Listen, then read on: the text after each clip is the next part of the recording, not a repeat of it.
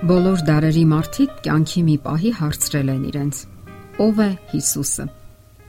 Եթե մարդկային մի փոքր հատված ընդունել է նրան, ապա մյուս ավելի մեծաթիվ մասը այդպես էլ չի ընդունել։ Ավելի հաճախ մտածենք այս մասին, չէ՞ որ նա կենթանի եւ զորավոր այն Աստվածն է, որ կարող է փարատել մեր անհուսությունն ու վախերը։ Նա անսահմանափակ իշխանություն ունի բոլոր քիմիական տարրերի եւ մարդկային հոգու վրա Նա կարող է փոխել ամենավտանգավոր իրավիճակը։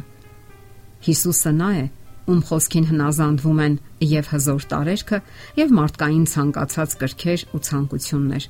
Հիսուսն է ղեկավարում աշխարը եւ խաղաղություն հաստատում մարդկային ամենախռովահույս հոգիներում։ Իսկ ինչ է սпасում մամեզանից։ Նա սпасում է,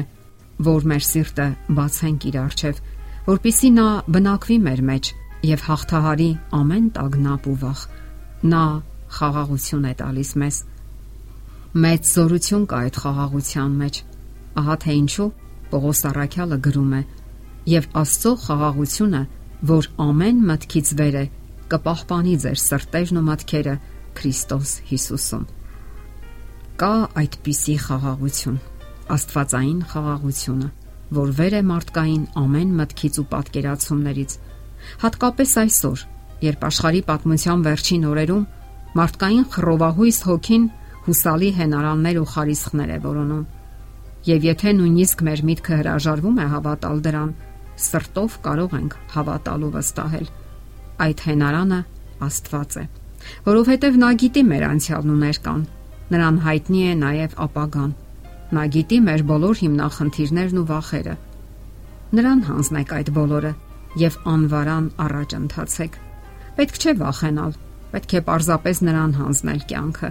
Նա այն Աստվածն է, որ խոստացել է. Տիրոջը ապավինողները կնորոգվեն ուժով, թևերով վեր կսլանան արծիվների պես։ Եվ դա իրականություն կդառնա այն յուրաքանչյուրի կյանքում, որ Աստծուն է հանձնում այդ կյանքը։ Վստահեք նրան եւ կանհետանան ձեր բոլոր վախերն ու կասկածները։ Իսկ ինչու ենք մենք հավատում Հիսուսին, որովհետև երբ նրան էին մոտենում հիվանդներն ու խեղված, մեղքից փշրված ու կյանքի հույսը կորցրած մարդիկ, նա վերականգնում էր նրանց իր մի խոսքով։ Նա բժշկեց բորոտներին, տեսողություն ապարգևեց գույրերին, բուժեց դիվահարներին։ Նա ոչ միայն ֆիզիկական առողջություն էր ապարգևում նրանց, այլև ազատագրում էր մեղքից ու սատանայի կապանքներից նա ապրելու հույս էր տալիս մարդկանց եւ հոգեվոր ազատություն։ Այդ նրա խոսքով էր, որ կյանքի էին վերադառնում մեռյալները։ Մահն անգամ նահանջում էր նրա ներկայությունից։ Նա հաղթանակ տարավ մարդկային բոլոր ցավերի, տարապանքների ու վերջապես մահվան հանդեպ եւ ապագան նրան է պատկանում։ Այն ապագան, որ այնքան վախեցնում է մարդկանց եւ անհուսության մեջ գցում։ Հիսուսը հավատի անվարան քայլեր է սպասում մեզանից, որ հավատով քայլենք դեպի ապագան։ Ապագան նրա վերջին խոսքն է, եւ այն նրան է պատկանում։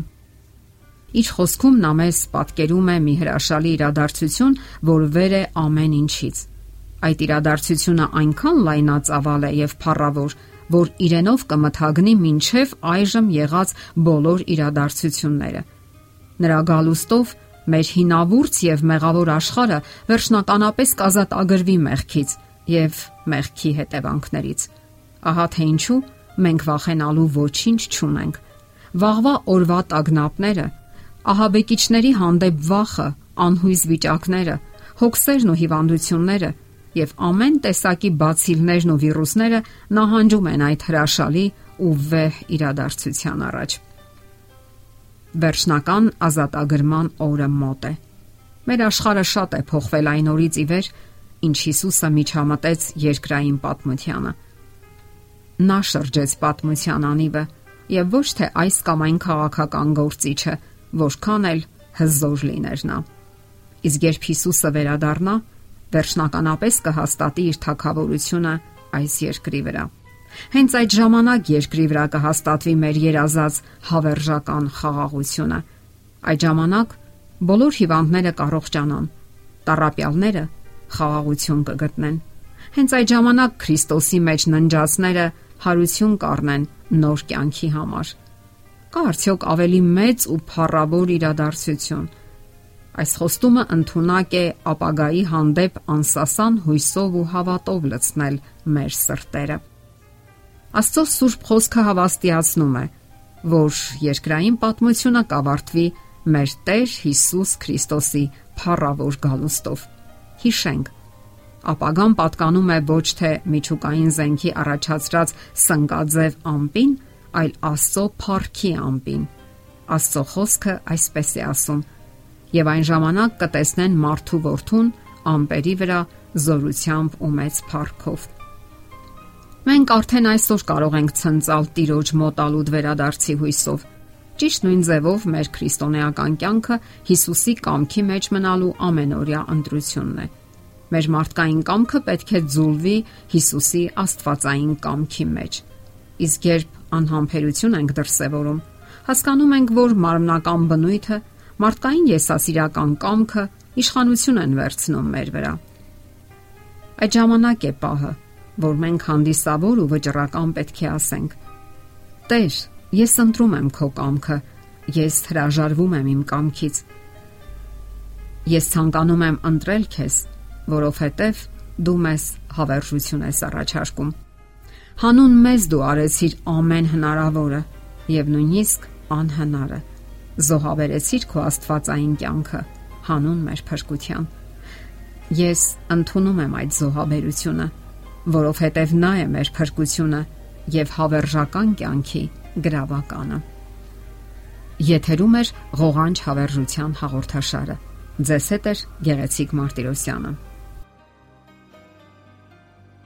Հարցերի եւ առաջարկությունների դեպքում զանգահարեք 094 08 2093 հեռախոսահամարով։ Հետևեք մեզ hopmedia.am հասցեով։